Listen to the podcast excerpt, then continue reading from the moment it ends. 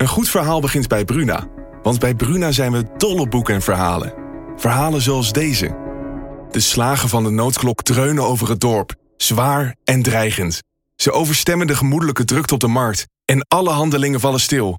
Wat zou er aan de hand zijn? Vraagt Oda ongerust. Wil jij weten hoe dit afloopt? Je leest het in Bloedlijn. Van Simone van der Vlucht. Nu bij Bruna.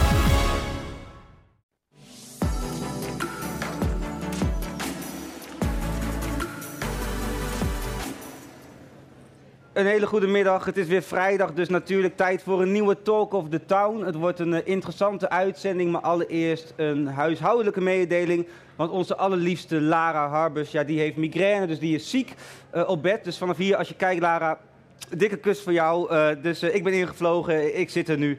Ik heb mijn blouseje niet helemaal kunnen strijken, maar goed, uh, we, zijn er. En we gaan er een leuke show van maken. Jammer genoeg ook een afmelding van uh, Maison de Faux. Uh, dat is ook niet anders, maar voor de rest zitten onze gasten hier in de zaal en aan tafel. We gaan zo meteen praten met de Dutch Sniper, bekend van Counter-Strike, wereldbekend buiten Groningen. Fijn dat hij er is, Chris de Jong.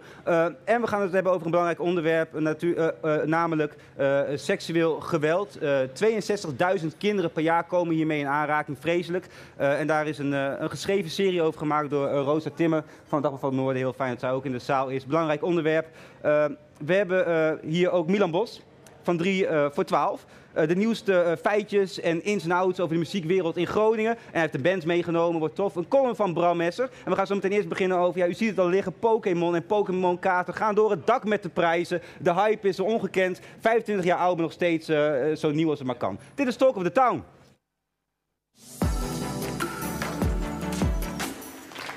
Ja, Steffen uh, Eriksen, Fijntje de Band. Uh, geboren Deen, uh, in Nederland nu. En ja, ik sprak net al even met je, fantastisch intrigerend. Je, je, je speelt Pokémon, je hebt veel kaarten, je weet er alles van.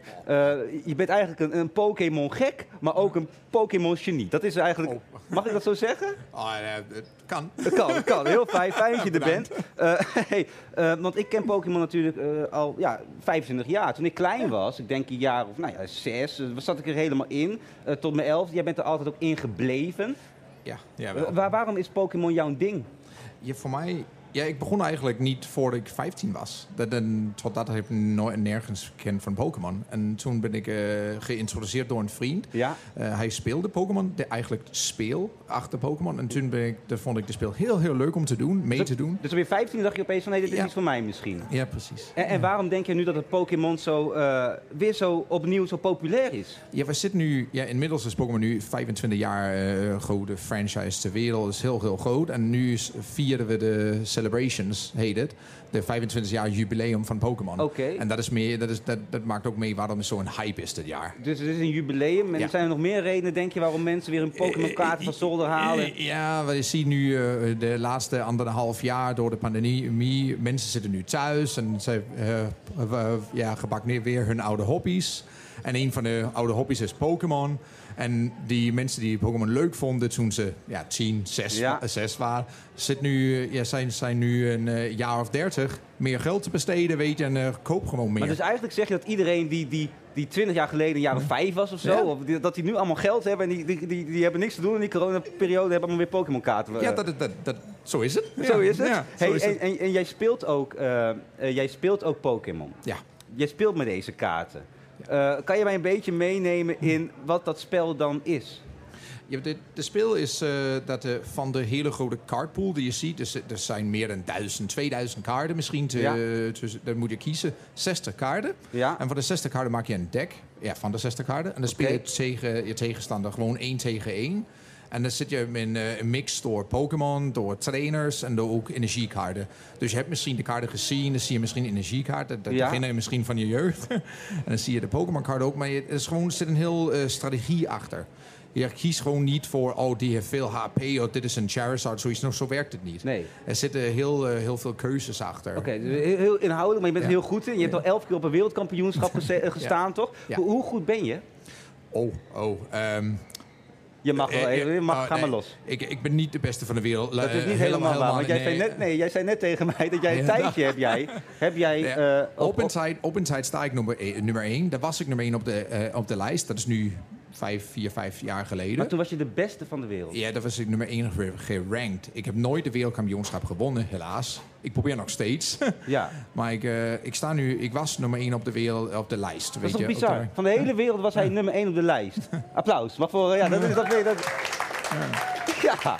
Oh, bedankt. En, en, en dat niet alleen. eh, want misschien voor de kijkers is het misschien duidelijk om het uit te leggen. Want ja, misschien lijkt het wel een beetje op voetbal. Ik bedoel, Nederland kan bijvoorbeeld een keer een wereldkampioenschap niet winnen. Mhm. Maar wel door eh, allemaal kwalificatiewedstrijden goed te doen. Wel op de ranking op nummer 1 staan. Is het ook een beetje zo in de Pokémon Ja, dat is wel mogelijk. Je kan gewoon veel toernooien spelen om punten te verzamelen. Ja? En dan kun je ook, eh, eh, als je veel, veel kwalificatietoernooien spelen en zo, dan kun je ook veel punten verzamelen. En daar op dat manier heel hoog om de ranking klimmen. Oké, en, en dan wil ik naar het, eh, het gevoelsmatige Pokémon-leven van Stefan Eriksen. Want je hebt ook, heb je je vrouw ook leren kennen door het Pokémon? Dat, dat is waar. Ja, ik heb haar in... Ja, hoe, wanneer was dat? In 2014 Ja. eh, ontmoet hier in Groningen door Pokémon. In, in een Pokémon, in een winkel hier. Eh, Maar hoe gaat dat? Ga je zeggen, hey, wat heb je leuke Pokémon-kaarten? Of- ja, kijk hier mijn Pokémon kaart. Nee, zo, zo was het niet.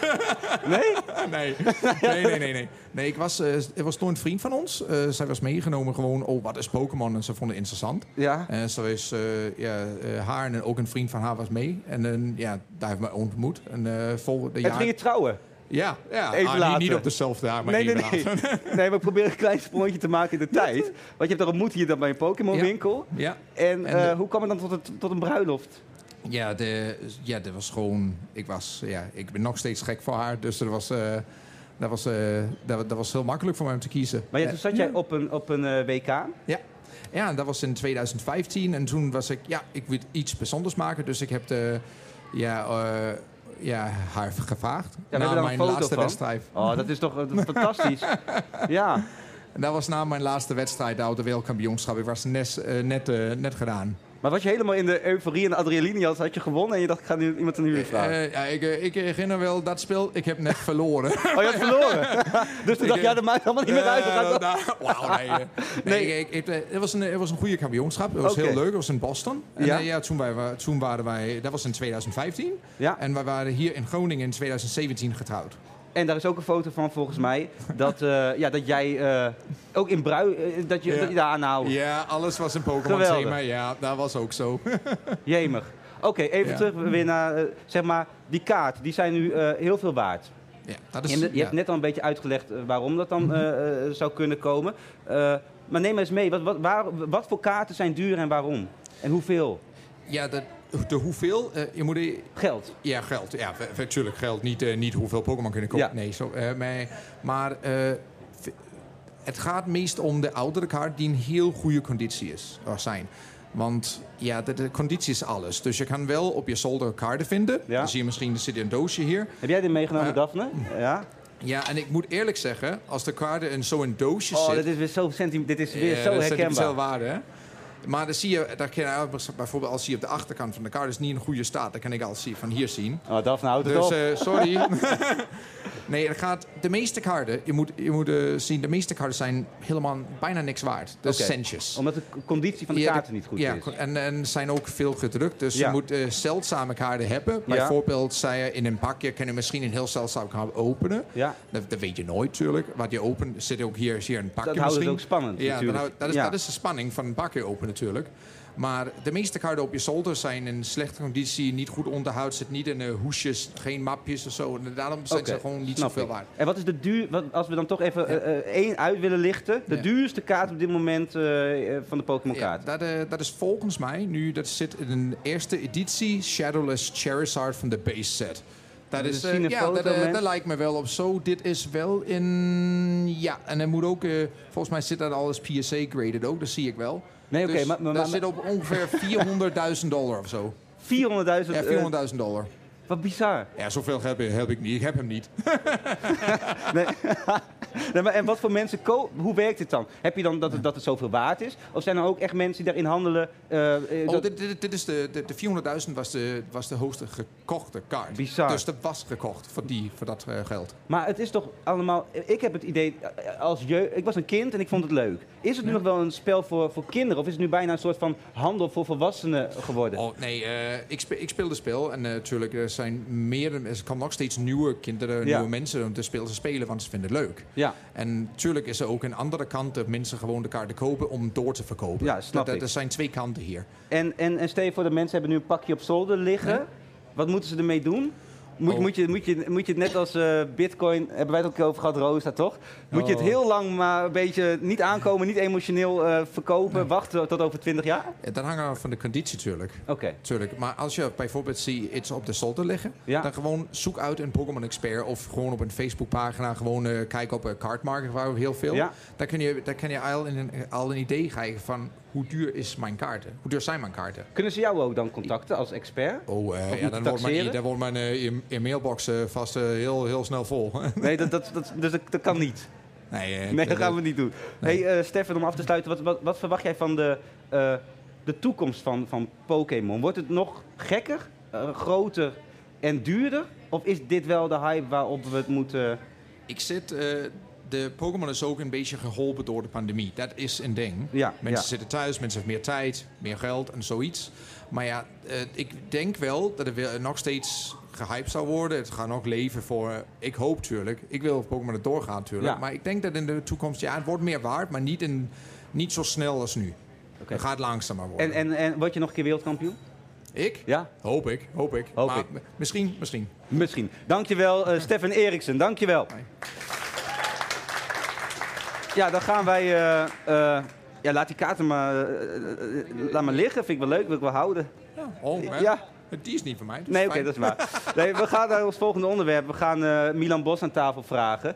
Eh 3 voor 12. Het is, weer, eh, ja, het is weer eind van de maand op een vrijdag. En dan hebben we de, de tips en de, ja, de, de ins en outs uit de muziekindustrie van onze Milan Bos. Eh, en je hebt een bandje meegenomen. Ook hartstikke fijn dat die er zijn.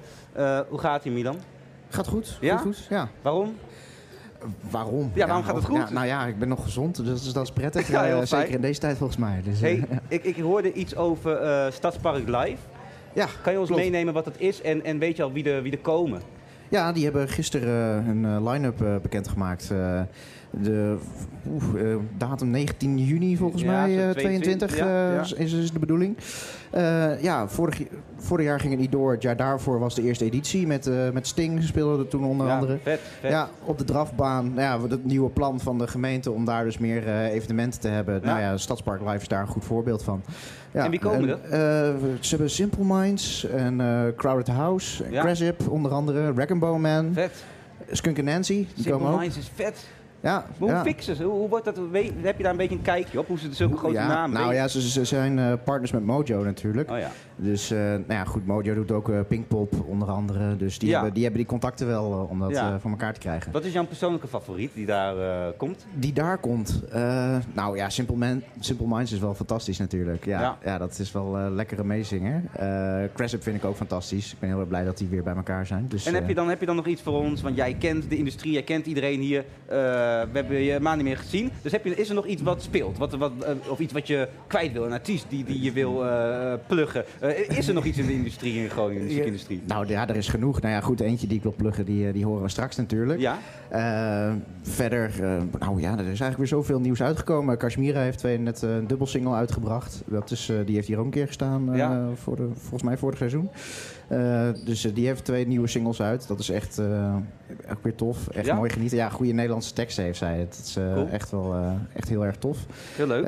Ja, wat er verder... Ja, er is zoveel uitgekomen eigenlijk. Je moet eigenlijk op onze website... En, en, en nu heb je ook een, een bandje meegenomen. Eh, Ja. wie, wie, wie zijn het? Wat, wat, wat vind je ervan? Eh, nou, het is Never Been to Berlin. Eh, ze zijn met z'n tweetjes. We zaten, hiervoor was het... nou, ze zitten daar. Ja. Hiervoor zaten ze in een Punani Collective. Die hebben de hele stad toen onder gestickerd. Dus dat is vast wel... Ooit heb je het ooit wel een keer gezien. Zeker, zeker. Ja, nou, ze maken hele toffe, aanstekelijke ja, electropop. Mag ik het pop noemen? Ja, electropop. Ja, en nou, gisteravond hebben, ze ook in Simplon. Eh, fantastisch mooi feestje hebben ze ervan gemaakt. Eh, iedereen ging helemaal los. En, Ja. ja. ja. Goed, eh, nou, ze weten de energie goed, eh, goed te pakken. Dat is, eh, dat is tof. Ja. Dat- aankondiging. Ja. Nee, goed, dan gaan we even naar eh, Never Been to Berlin. Eh, kom, eh, de lek, of blijven jullie zitten? Of, eh, jullie gaan Nee, zo... de collega gaat staan. Ja, hoe is, het, eh, hoe is het mannen?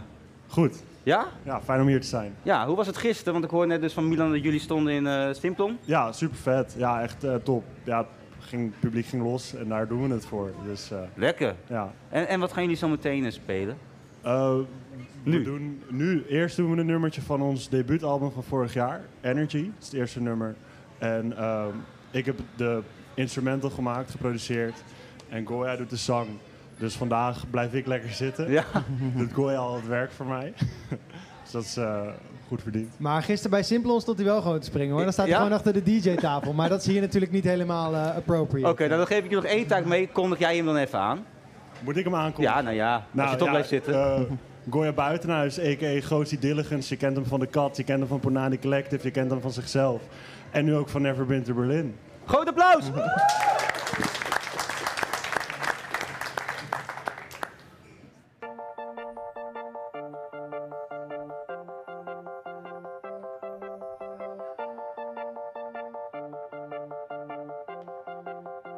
home.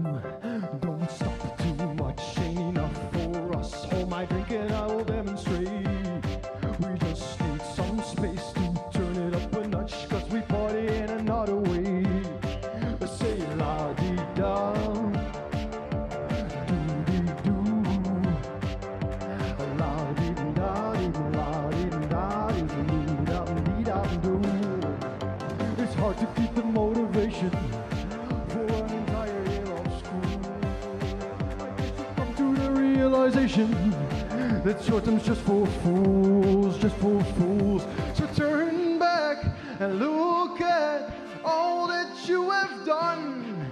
I get that you're a pessimist, but can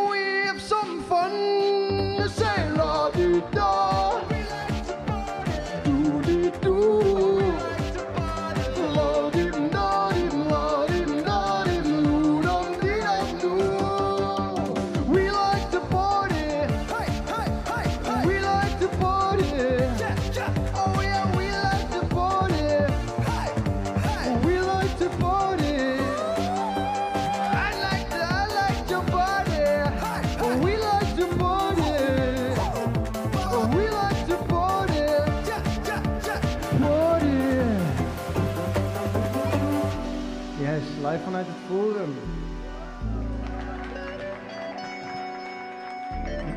Thanks Talk of the Town for having us natuurlijk.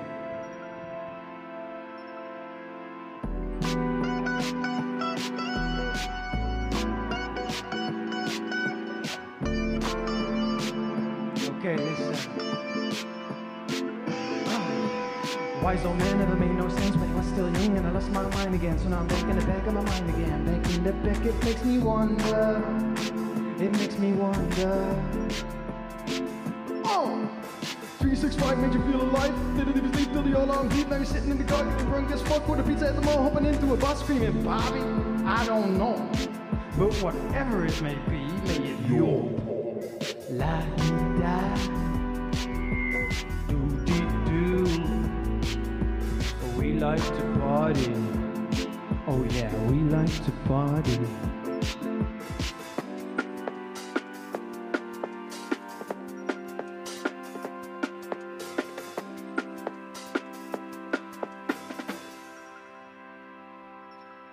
So turn back, look at all that you have done.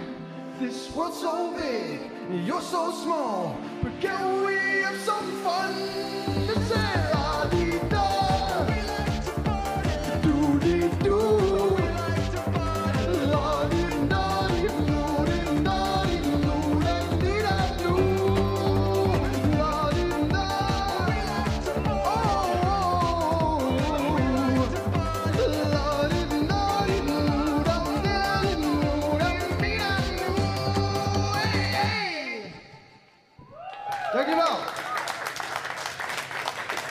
Never been to Berlin. Eh, zometeen aan het eind van de show komen ze nog een keer terug. En dan, eh, ja, dan weer knallen, hopelijk, in de energie. Eh, nu aan tafel Rosa Timmer, fijn dat je er bent. Rosa, een serieus onderwerp. Eh, 62.000 kinderen per jaar komen in aanraking met seksueel geweld. Dat Ja. zijn eh 62.000 te veel, Ja, denk ik.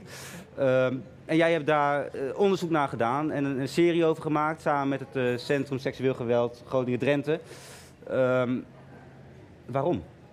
Ja, waarom? Eh, het begon eigenlijk zo. In eh, juni eh, kwam een nationaal rapporteur uit met een rapport dat nogal schokkend was.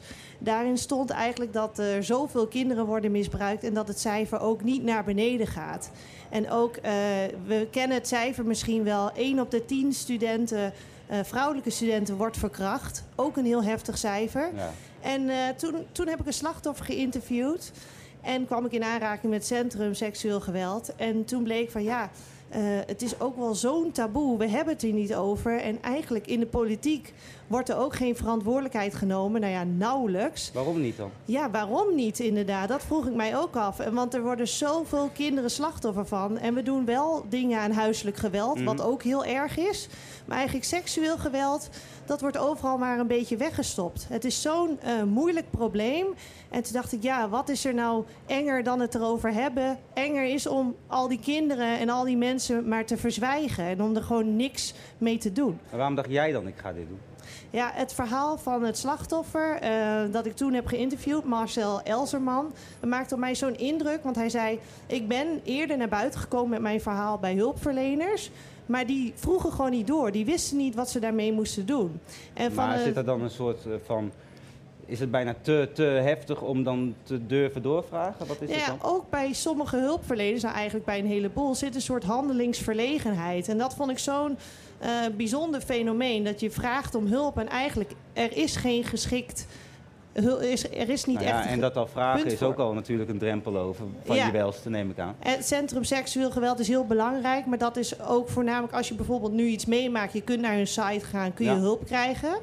Hè, maar bijvoorbeeld eh, als hulpverleners zien dat er iets met een kind aan de hand is, dan weten ze vaak niet goed wat ze ermee moeten. Maar wat kan je dan? Nou, in Groningen hebben we dus eh, ooit een diagnostisch centrum gehad in 1988. Ja? Heel lang geleden was Groningen eigenlijk koploper in de bestrijding, in de bestrijding van seksueel geweld onder kinderen. Daar werden kinderen aangemeld over wie vermoedens waren van seksueel Dus geweld. van docenten, van... ja, van instanties. Vaak waren die kinderen al bekend bij jeugdbescherming, zo bijvoorbeeld. Ja, En dan werd gewoon zonder politie erbij, maar door onderzoekers rustig onderzocht, is er ook echt iets aan de hand. Daar kon je met een vermoeden heen. en waarom is dat nu weg? Ja, dat is een hele goede vraag. Dat komt dus omdat in de politiek eigenlijk niemand verantwoordelijkheid neemt. Het is zo'n eng onderwerp. Het is, het is heel erg verspreid. Er zijn mensen, heel veel professionals, die heel graag veel willen doen. Alleen eh, het komt maar niet samen. En de bedoeling is nu, voor, ook met een plan in Groningen, om dat wel samen te gaan brengen. Omdat de cijfers niet naar beneden gaan. En wat gaan we lezen in je verhalen? Het is een vijfluik. Het is een vijfluik, ja zeker. Eh, ik heb allerlei thema's bepaald. En het eerste, de eerste aflevering stond gisteren in de krant en staat ook online. Gaat over dat diagnostisch centrum, wat daar gebeurde. Het Ja. was echt een revolutionair centrum. Er werden kinderen onderzocht eh, ehm, eh, en met behulp van anatomisch correcte poppen. Dus we konden ze zelf op een pop laten zien wat er gebeurd was. Eh, maar in de tweede aflevering gaan we het ook over iets ja, wat nog meer taboe is hebben. We gaan het over plegers hebben. En eh, geen plegers, maar ook pedofielen. Ja, ja, Eh, ja, pedofielen worden vaak gelijk geschaard aan plegers. En daardoor is het ook heel moeilijk als je pedofiele gevoelens hebt om hulp te zoeken. Maar wat is dat nuanceverschil dan? Ja, nou ja, plegers die hebben iets uitgehaald. En, en 80% van de plegers die iets met een kind doet, is geen pedofiel. Mhm. En 1 tot 3 procent van de Nederlandse mensen heeft pedofiele gevoelens, maar zal nooit iets plegen. Dus die lopen eigenlijk tot misschien wel eh, het graf met die gedachten rond, doen niks. Ja, Dus zijn in hun hoofd alleen maar eh, aan het struggelen. de meesten zullen daar niks mee doen. En ik heb dus met een psycholoog over gepraat. Van het is wel belangrijk dat deze mensen uit dat stigma komen. Want Mhm. eh, sommige pedofielen kunnen misschien ooit wel behoeftes krijgen. Wat moet je daar dan mee? Als je daar hulp voor biedt, dan, om het op een veilige manier te doen en niet met kinderen. Ja, Ja, het is nu zo taboe dat die mensen gewoon helemaal worden weggestopt. Maar waar kunnen die mensen heen dan? Wat kunnen die mensen doen? Er zijn eh, in Nederland, vertelde Erik van Beek mij, eh, ongeveer vijf psychologen die zich bezighouden met pedofielen die eh, geen pleger zijn. Is dat weinig of dat klinkt is dat, heel weinig? voor 1 tot 3 procent van de bevolking, denk ik. Ja. Ja, ja, ja. Dat is, eh, 1 tot 3 procent is ongeveer net zoveel mensen eh, hebben een bipolaire stoornis bijvoorbeeld. Dat is best een hele grote groep. Wist jij dit allemaal al? Of heb je dit ook gaandeweg in het proces allemaal... Nee, ik, ben- ik verbaas me over zoveel cijfers. Hè. 40% van de meisjes maakt seksueel geweld mee voor haar achttiende. 40%. Veel. Maar ook 23% van de jongens. Dat zijn dingen gaandeweg in mijn gesprekken met die mensen kom ik daarachter. Heb je een pedofiel gesproken? Ja, ik heb ook een pedofiel gesproken, ja. Hoe was dat? Nou, hij, was geen, hij is geen pleger. En eh, hij vertelde mij gewoon hoe dat is. Hij eh, vindt 12-jarige meisjes leuk. En eh, eerst was dat normaal, hè, toen hij zelf opgroeide. Maar toen hij 18 werd, 17, 18, toen had hij dat nog steeds. En toen dacht hij, dit klopt niet, dit is niet goed. En hij heeft eigenlijk nu eh, tot zijn dood weten... ja, ik heb gevoelens voor te jonge meisjes en daar kan ik niks mee doen. En, en als je daar met iemand zou zitten praten, misschien bij iemand Ja. thuis of waar dan ook. Ja. Wat, wat denk jij dan als je probeert dan ook objectief te blijven in een journalistenrol, maar Ja. misschien kan je ook in zijn hoofd kijken en dan voel je daar iets bij. Eh, wat, met wat voor gevoel ga je weg na zo'n gesprek? Nou, eh, kijk, hij is geen pleger. Dus wat kun je. Ik, ik had eigenlijk. eh, ik ik vond het erg voor hem. Je zou maar zo geboren Ja. worden met die gevoelens. En hij zei: Ja, soms sta ik op een perron. En dan denk ik: Wat als deze mensen zouden weten dat ik pedofiele gevoelens heb? Dan zou ik gewoon gelyncht worden. De pedofielen voelen zich vaak erg eenzaam. En dat isolement waar ze in raken, dat is juist onveilig, zeggen ook behandelaars van plegers. Ja. Mensen die in een isolement geraken, die gaan eerder wat uitvreten dan mensen die wel geaccepteerd worden door de maatschappij of hulp kunnen zoeken. Is het ook niet zo dat misschien iedereen in het verhaal bijna in isolement komt? Degene die het heeft meegemaakt, de pleger, een pedofiel Ja. die misschien een hele leven niks, niks doet. Ja. Dat dat isolement zo moeilijk is om, om iets te doorbreken. Zeker als je als kind wordt misbruikt door je vader bijvoorbeeld. Je bent vijf jaar, zegt Anneke van Duin ook, die ik heb geïnterviewd. Dan zit je gewoon in de gevangenis. En zeker omdat omstanders niet zeker weten en eigenlijk niks durven doen. Dat is heel eenzaam. En heel veel mensen die gaan daar pas als ze zelf kinderen krijgen, komt dat naar buiten. Hoe groot dat is. Heb je nog, want, want het wordt een eh vijfluik, zei ik net al. Heb Ja. je, want je bent ermee bezig, nog Ja. niet alles is klaar. Mhm. Eh, heb, heb je eh, andere momenten die impact op je hebben gemaakt tot nu toe al? Ja, ik heb ook met hulpverleners gesproken, inderdaad. En ik ga met ouders van misbruikte kinderen spreken. Ja, momenten die indruk hebben gemaakt. Ja, ehm, eh, ja, het isolement dat inderdaad slachtoffers ook ervaren. En dat je dus als je 30, 32 bent, dat het in één keer allemaal naar buiten kan Ja. komen. Dat het je huwelijk kan Want je hebt ook verwoesten. een stel gesproken, of niet? Of iemand die nu Ja. 32 is en die nog steeds vanuit haar 16 of hoe oud, eh, Ja. die, die, de- waar het nu allemaal naar bui- buiten komt en het eruit moet. eh, ja, eh. dat is een stel inderdaad. eh, dat komt in aflevering 5, geloof ik. Die vrouw die is op haar 16e, heeft ze seksueel geweld meegemaakt. En in, ergens in haar 30ste kwam dat naar buiten. En dat is heel moeilijk geweest Maar voor hun relatie. hoe- waarom is het moeilijk? Wat, wat, wat, wat, kwam, wat merkte je dat er bij haar naar buiten kwam na al die jaren? Ja, woede, seksuele problemen, eh, eerst niet weten waar het vandaan komt. En dan moet je dat met een partner bespreken. Een partner zijn van iemand die seksueel geweld Ja, heeft meegemaakt. pittig. Wat moet je doen? Ja. Dus in de serie. Wat zal moet ik- je dan doen? Ja, wat moet je dan Nee, maar doen? heb je daar een antwoord Hij, op? hij, zij hebben er echt een levenswerk van gemaakt om een soort toolkit te maken van hoe ga je daar als partner doorheen. Het is vooral heel veel luisteren, maar ook ruimte voor jezelf vinden. Maar ehm, ja, het is wel een aparte eh gewaarwording. Je moet, ik, deze serie is wel, zeg maar, ook voor oplossingen. Dus Ja. ik zal ook vertellen wat je dan kunt doen. Ja. Ja.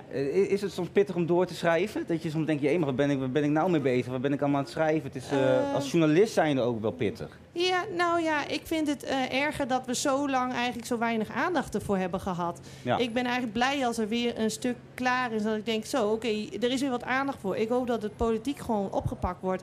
Heel eerlijk gezegd, soms dan schrik ik wel over wat bijvoorbeeld de medeplichtigheid van moeders heeft mij wel eens aangegrepen. Hè?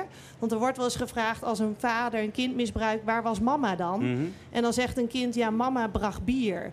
Ja, dat is toch afschuwelijk. Dat soort dingen, dat grijpt me wel naar de keel. Jemig, jemig. Ja, dus ja, af en toe is het wel lastig. Maar niet zo lastig als de mensen, voor de mensen die het meemaken natuurlijk. Waar kunnen we de verhalen gaan lezen, eh, Rosa? Op eh, dvn.nl en eh, in de krant elke donderdag tot eh, met 25 november. En dan is de internationale dag tegen geweld tegen vrouwen. Goed haakje. Ja, zeker. Dankjewel. Mag ik applaus voor Rosa Timmer. Dankjewel. Ja, goed. We gaan eh, naar onze columnist Bram Esser, eh, die weer komt. Eh, fijn dat je er weer bent, Bram. Ik ben op een of andere manier die ik niet goed kan uitleggen altijd blij om je te zien. Ja, vrolijke persoonlijkheid natuurlijk. Ja, je straalt wel wat sprankelende uit. persoonlijkheid. Ja, ja. Nee, ik ben ook blij om jou te zien. Nou ja, dat vind ik fijn en om eh, te nu horen. extra, hè, want je, jou hoort hier helemaal niet te zitten, begrijp Nee, ik. nee. Nee, nou ja, wat fijn. Jammer voor Lara, Ja. maar leuk dat jij er bent. Dankjewel. We, we gaan, eh, zullen we gewoon naar je column gaan luisteren? Lijkt me prima, lijkt me een goed idee. We, Die camera, ja. We zijn de afgelopen herfstvakantie met het hele gezin in Riga geweest, de hoofdstad, hoofdstad van Letland. De aanleiding was een congres waar mijn vrouw zou spreken. En ik moest mee vanwege Midas Aurelio Esser, die zeven maanden oud is, borstvoeding eist en vastgehouden wil worden. Hè? Het babykind. Train Traveler, een reisorganisatie gespecialiseerd in het reizen per trein, zocht alles voor ons uit. We kregen een bruine envelop thuisgestuurd met alle reispapieren erin. Op alle pagina's stond het logo van een stoomtrein met zo'n grote ijzeren sneeuwschuiver voorop. Een geruststellend logo, alsof Train Traveler alle problemen voor je opzij schuift. De treinreis begon in Groningen met een bus naar Leer. Dat is al jaren zo. Wie met de trein richting Duitsland wil, moet met de bus. Vanaf Leer ging het verder met de trein naar Bremen, overstappen voor Hamburg en dan weer overstappen naar Kiel voor de ferry naar Klaipeda. Dat is in Litouwen. Normaal gesproken neem je de boot vanuit Stockholm naar Riga, maar die ging niet vanwege corona. De ferry was afgeladen met Litouwse vrachtwagenchauffeurs die de hele reis tv keken. Of dat nou tekenfilms waren, oorlogsdrama's of ijshockey, dat maakte voor hen geen verschil. De ventilatie van de hut was kapot en we lagen zwetend in de kooi. Daardoor droomde ik vreemd. Overal op het schip zaten kinderen van mij. In de kombuis, achter de hutkoffer van de kapitein. Op het dek kropen ze rond en ze zaten in de machinekamer. Ik kon me niet herinneren dat ik zoveel kinderen had. Maar ik was er heel druk mee. In Klaipeda namen we een taxi naar het hotel voor nog een tussentijdse overnachting op weg naar Riga. De chauffeur zag ons hoofdschuddend aan met onze karren en onze bagage. You look like a family of gypsies, zei hij tenslotte, niet onvriendelijk. De volgende ochtend vertrokken we voor het laatste deel van de reis in een minibusje naar Riga. Het duurde niet lang voordat de middelste moest overgeven. Ik gooide snel een pak koekjes leeg in mijn tas en liet hem in het karton kotsen. Goed bedacht, denk je, maar het begon natuurlijk te lekken. Door er razendsnel een luier omheen te wikkelen was ik gered. Zo leer je dus improviseren in een poging te overleven. We reisden van crisismoment naar crisismoment. De een kreeg honger, de ander moest plassen, een volgende gaf over. Er moest geteeld worden of juist niet. Nee, zelf lopen, dan weer geplast, gepoept en gegeten. Ik keek gegeneerd naar het spoor van rijstwafels dat door het gangpad van de bus tot aan de chauffeur liep. En dan heb ik het dus nog niet eens over de terugreis gehad. Die werd gekruid met geheel nieuwe, verrassende ingrediënten, zoals zeeziekte en laptop vergeten in het hotel. Die moest worden nagebracht met een taxi, met een bus vol woedende letten als gevolg. Het was een lijdensweg. En na het lijden kwam dus ook de loutering van de mooie momenten in de Letse hoofdstad. En niet te vergeten het genot van de thuiskomst. Zoals Simon Carmichelt, zoals Simon Carmichelt al zei, dat is het voordeel van reizen. Het verruimt de blik en scherpt ons in hoe verrukkelijk het thuis is. Dank u wel. Dankjewel Bram Messer. Dankjewel. Ja, dan gaan wij naar ons laatste onderwerp. We hebben namelijk een, uh, ja, eigenlijk een popster in de gamewereld hier aan tafel. Wereldbekend buiten Groningen, misschien wel ook in Groningen. Uh, Chris de Jong, fijn dat je er bent. Uh, ja, zeker. Ik ben blij hier te zijn. Ja, klopt dat een beetje? Dat, dat, dat want jij doet Counter-Strike Global Offensive, een, een schietspel. Ja. En wat ik net dus zei, jij speelt voor af en toe 15.000 man in, in stadions over mm -hmm. de hele wereld. Ja. Ben je een, ben je een soort game held? popster. Ja, weet je, als je op zulke toernooien rondloopt of voor het publiek speelt, dan krijg je soms wel het gevoel dat je een beetje een popster bent, ja. Als je door het publiek loopt, wil iedereen een foto met je, mensen willen handtekeningen. Dat was ik vroeger natuurlijk alleen gewend te zien bij muzieksterren of zo, weet bizar, je. Bizar, ja. voordat we daarover verder gaan, gaan we nog naar een instart kijken. om even een beeld te krijgen van ja, hoe goed je bent. chase down, at least get one. Good start, aggressive, finds out Flamey, not done there, sees the play on the tracks, he's actually got Simple down. We know this guy can ace, we saw it in New York, he's got it into a one-on-two, and he's actually sliding away. He's got another shot on Boomich. Is this guy up for the play of the decade already in 2020? He nearly got it in 2018.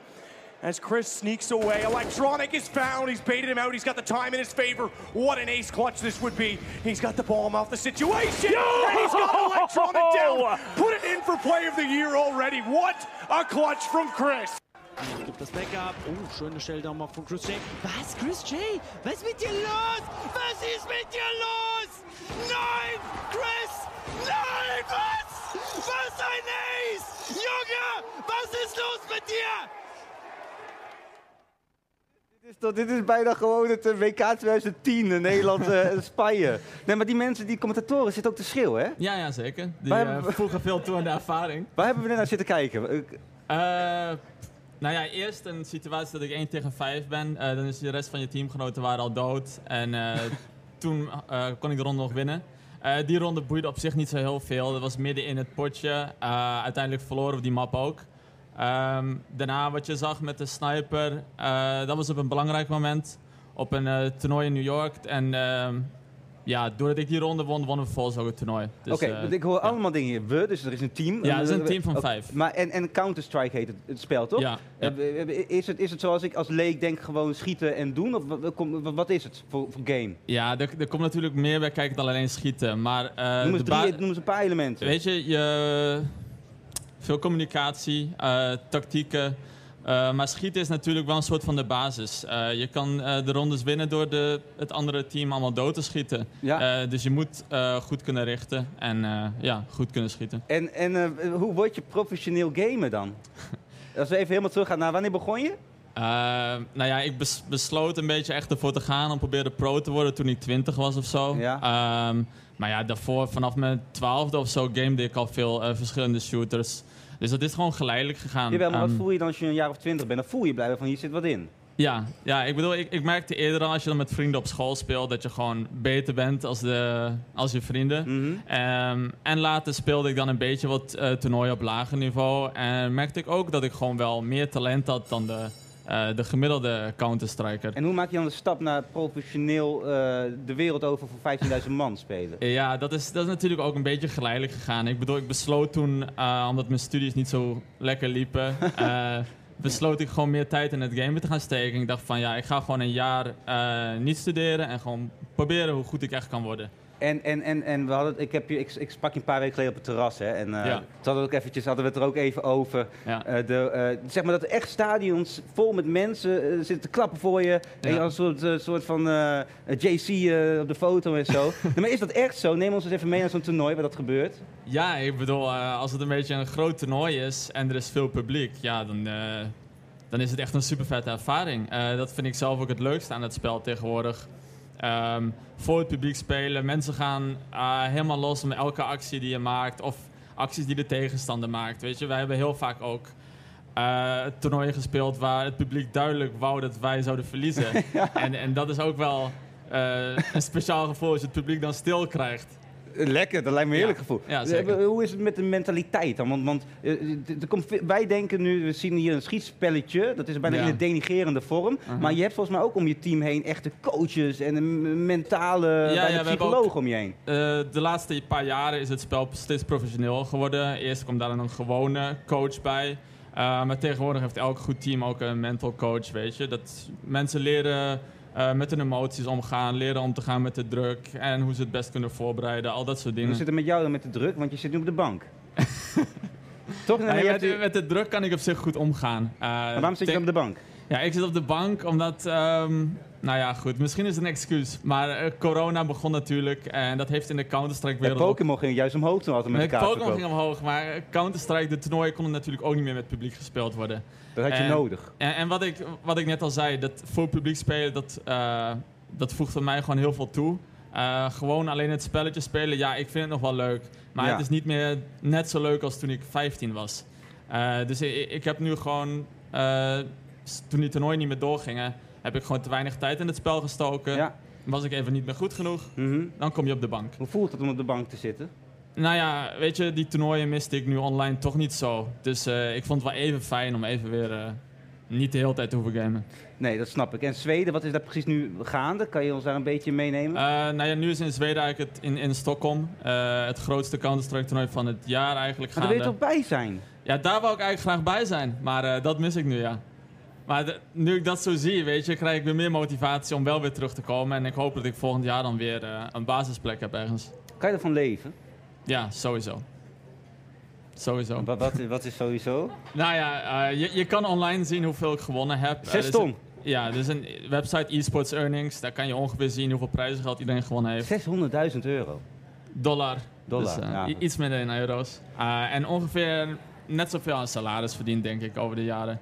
Dus je kan er zeker goed van leven als je het een beetje goed doet. Dat is toch bizar? Weet je, ik vind het normaal ondertussen.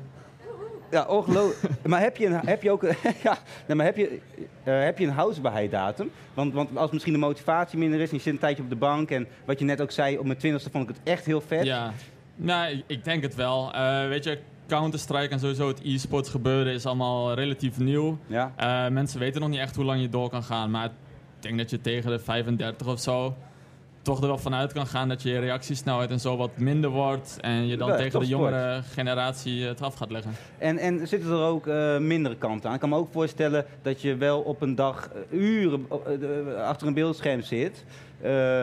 Hoe is dat? Ja, pff, dat is misschien ook een deel, eh, de motivatie. Weet je, je krijgt eh, hoe ouder je wordt, andere dingen in je leven dan alleen maar eh, gamen. Ja. Maar Merk je dat nu? Ja, enigszins. Ehm, ik denk waar mensen ook last van hebben is het fysieke. Mensen krijgen soms last van hun pols of vingers. Ja, maar jij dan? Daar heb ik gelukkig geen last van. Ehm, Nee, maar wat ik, zei, dus- ja, wa- ja. wat ik zei eerder, van, eh, dat ik wel even blij was om niet meer eh, te hoeven gamen. De, de druk is natuurlijk wel groot. Je moet altijd op je best zijn eigenlijk. Je moet de hele tijd veel tijd in het spel blijven steken. Eh, ja, en even die mentale druk hebben van niet van de hele tijd hoeven presteren. Even dat... Ook wel lekker, toch? Even, wel, wel even lekker, ja. Had ik wel nodig. Wat wil je nog bereiken? Ja, ik hoop gewoon weer voor eh, publiek te spelen. Weer de grote toernooien mee te maken. En natuurlijk wil je dan winnen. Uh, Ja. Maar ik vind sowieso gewoon de ervaring eh, van die toernooien spelen. En dat eh, je merkt dat het publiek het echt boeit wat je aan het doen bent in een game. Dat maakt het voor mij gewoon eh, ja, heel leuk. En dat hoop ik weer eh, te bereiken. Mag een groot applaus voor eh, onze gamer Chris de Jong. Thanks. Ongelooflijk. Dat Pokémon kaarten en gamen, dat er zoveel eh, geld in zit. Het is Ja. fantastisch. Eh, echt fantastisch. Eh, we, gaan, we gaan afsluiten met muziek. Jullie hebben het natuurlijk net al gehoord. Eh, Never Been to Berlin. Die gaat zo meteen het heerlijke nummer spelen. Are you happy now? Dan zijn wij de volgende week weer. Heb een fijn weekend. Geniet ervan. Tot volgende week.